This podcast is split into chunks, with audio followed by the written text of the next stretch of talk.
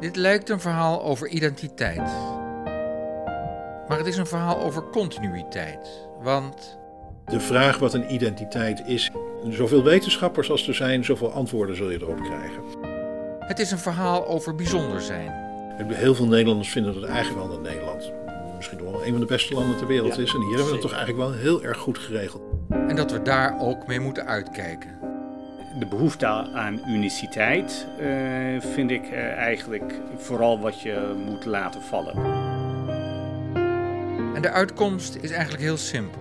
Wat uit ons eigenlijk bij elkaar houdt, is gewoon dat we nu eenmaal bij elkaar wonen op dit stukje van de wereld. Hier moeten we het met elkaar zien te redden. Dus wat gaan we doen? Ik heb voorgesteld met een knipoog om daar een klein maatschappelijk debat over te voeren. Omdat je ziet, zodra je het echt groot maakt, dan gaan mensen stellingen betrekken. Dan wordt het een op leven of dood kwestie van wie mag er wel en wie niet. En dan binnen de kortste keren loopt het uit de hand. Want de messen zijn in het verleden vaak geslepen als het ging over de identiteit van Nederland en de Nederlander. Dat waren feitelijk statische discussies over wat we zijn. In het essay Project Nederland van de WRR, je hoort het al aan de titel, gaat het juist om de dynamiek. Wie zijn we en waar gaan we naartoe? En hoe? Daar moeten we het over hebben, zegt Wil Tiemeijer van de Wetenschappelijke Raad voor het Regeringsbeleid. En James Kennedy, hoogleraar moderne Nederlandse geschiedenis, vult hem daarin aan. Dan moet je dan een bepaalde plaats geven ook aan het verleden. Dat het verleden mensen ook het besef geven dat je bouwt voort op wat het verleden eh, je gebracht heeft. Eh, dus dat het verleden niet irrelevant is of eh, voor wat je samen bouwt. James Kennedy is vooral bekend als leider van de recente revisie van de kanon van Nederland. Dat hij meedoet aan het gesprek is geen toeval, want de discussie over de Nederlandse identiteit en de roep om een kanon van Nederland zijn in eenzelfde periode en om vergelijkbare redenen ontstaan, zo rond de eeuwwisseling. En het zijn misschien inhoudelijk twee kanten van dezelfde munt. Een oranje munt, dat zal duidelijk zijn. Hoe is het essay Project Nederland ontstaan? Het komt eigenlijk voort uit een ander project wat eh, de WR heeft gedaan. Dat gaat over eh, de komst van migranten. Eh, het aantal migranten in Nederland neemt al maar toe. En het gevoel van de WR was, we, moeten daar een rapport over schrijven over de vraag hoe we toch dat allemaal zo goed mogelijk opvangen en verzorgen dat de sociale cohesie in Nederland eh, zo goed mogelijk behouden blijft. Want er waren wel wat signalen dat in heel erg diverse wijken die sociale cohesie wat minder is. Dus daar is een rapport over geschreven. Dat heet eh, Samenleven in verscheidenheid. En toen bij de interne besprekingen hadden we het erover dat ik dacht van ja, als, je, als dit je thematiek is, dan moet je eigenlijk ook iets zeggen over wat Nederland dan is. Waar nieuwkomers dan, die, zouden moeten integreren of aanpassen of welk woord je daar ook voor gebruiken. En ik zie van ja, dan moet je ook iets aangeven van wat is het dan? Nou, dat is, dan kom je onvermijdelijk op het onderwerp van de Nederlandse identiteit. En dat is nogal een... eh, controversieel onderwerp, althans daar kan makkelijk discussie over bestaan. Er ontstaan ook, zijn ook veel misverstanden over. Dus toen heb ik gezegd van nou laten we daar een aparte publicatie aan wijden om dat onderwerp nog eens even op te pakken en kijken wat hier nou precies speelt. Vanuit die, vanuit die achtergrond van het idee van ja, we, we moeten toch iets kunnen zeggen over wat het nou is wat Nederland bij elkaar houdt en wat het nou is waar mensen of van binnen die hier al jaren wonen of mensen van buiten die hier komen wonen, waar die rekening mee moeten houden of in moeten integreren of welk woord je dan ook precies zou willen gebruiken. En hoe kwam het dat er in 2006 een kanon van Nederland kwam? Dat heeft inderdaad te maken met uh, precies de discussies waar Wil ook aan refereert. Je hebt uh, eind jaren 90, zeker uh, na 9-11, heb je in, in, in, Nederland, en niet alleen in Nederland, wel behoefte aan een soort antwoord op de vraag wie zijn wij? hoe kunnen wij dan in deze globaliserende wereld toch wel vastleggen wat vastgelegd moet worden, koesteren wat gekoesterd moet worden, uh, beschermen wat beschermd moet worden.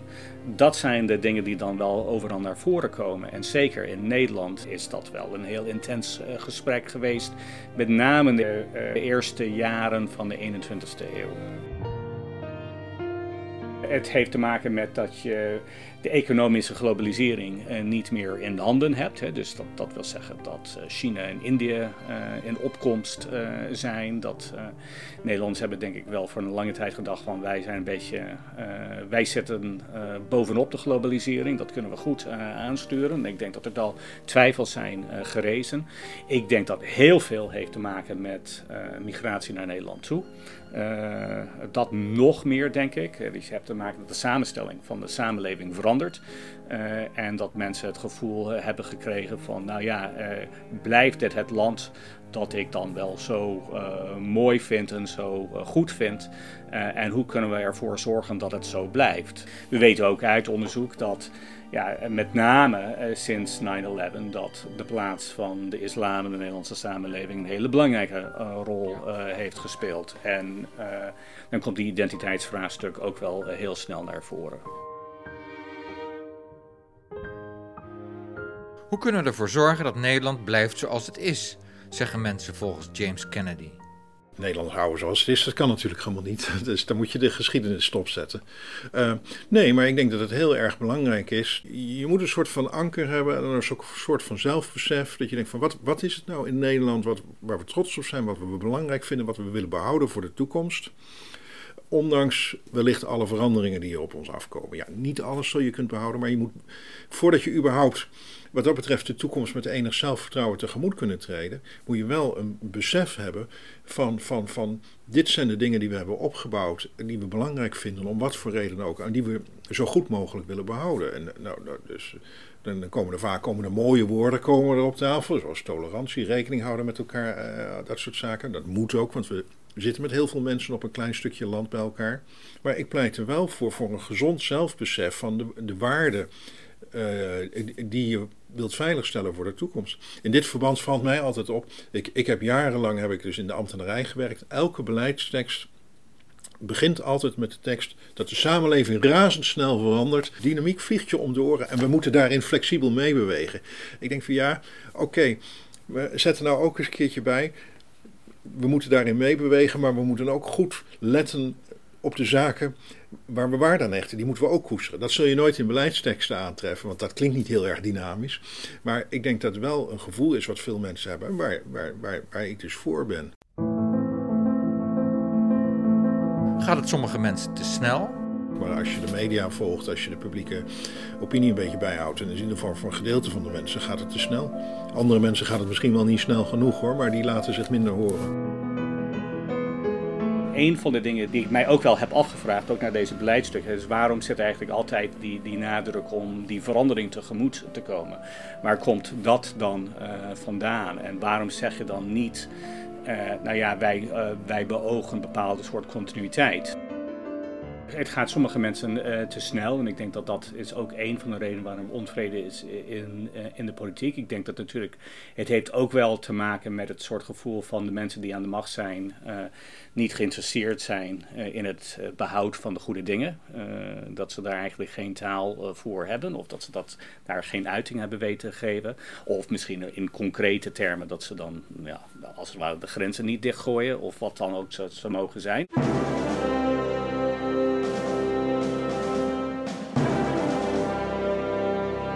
En om te laten zien dat er een continuïteit is, waarin het verleden niet wordt vergeten dus, is het misschien een geruststelling dat er een kanon van Nederland is. Een soort ankerpunt, zoals Wil dat noemt. Ja, dat kan het zijn. Maar na een kleine 15 jaar wordt die kanon alweer veranderd. Daar is kritiek op.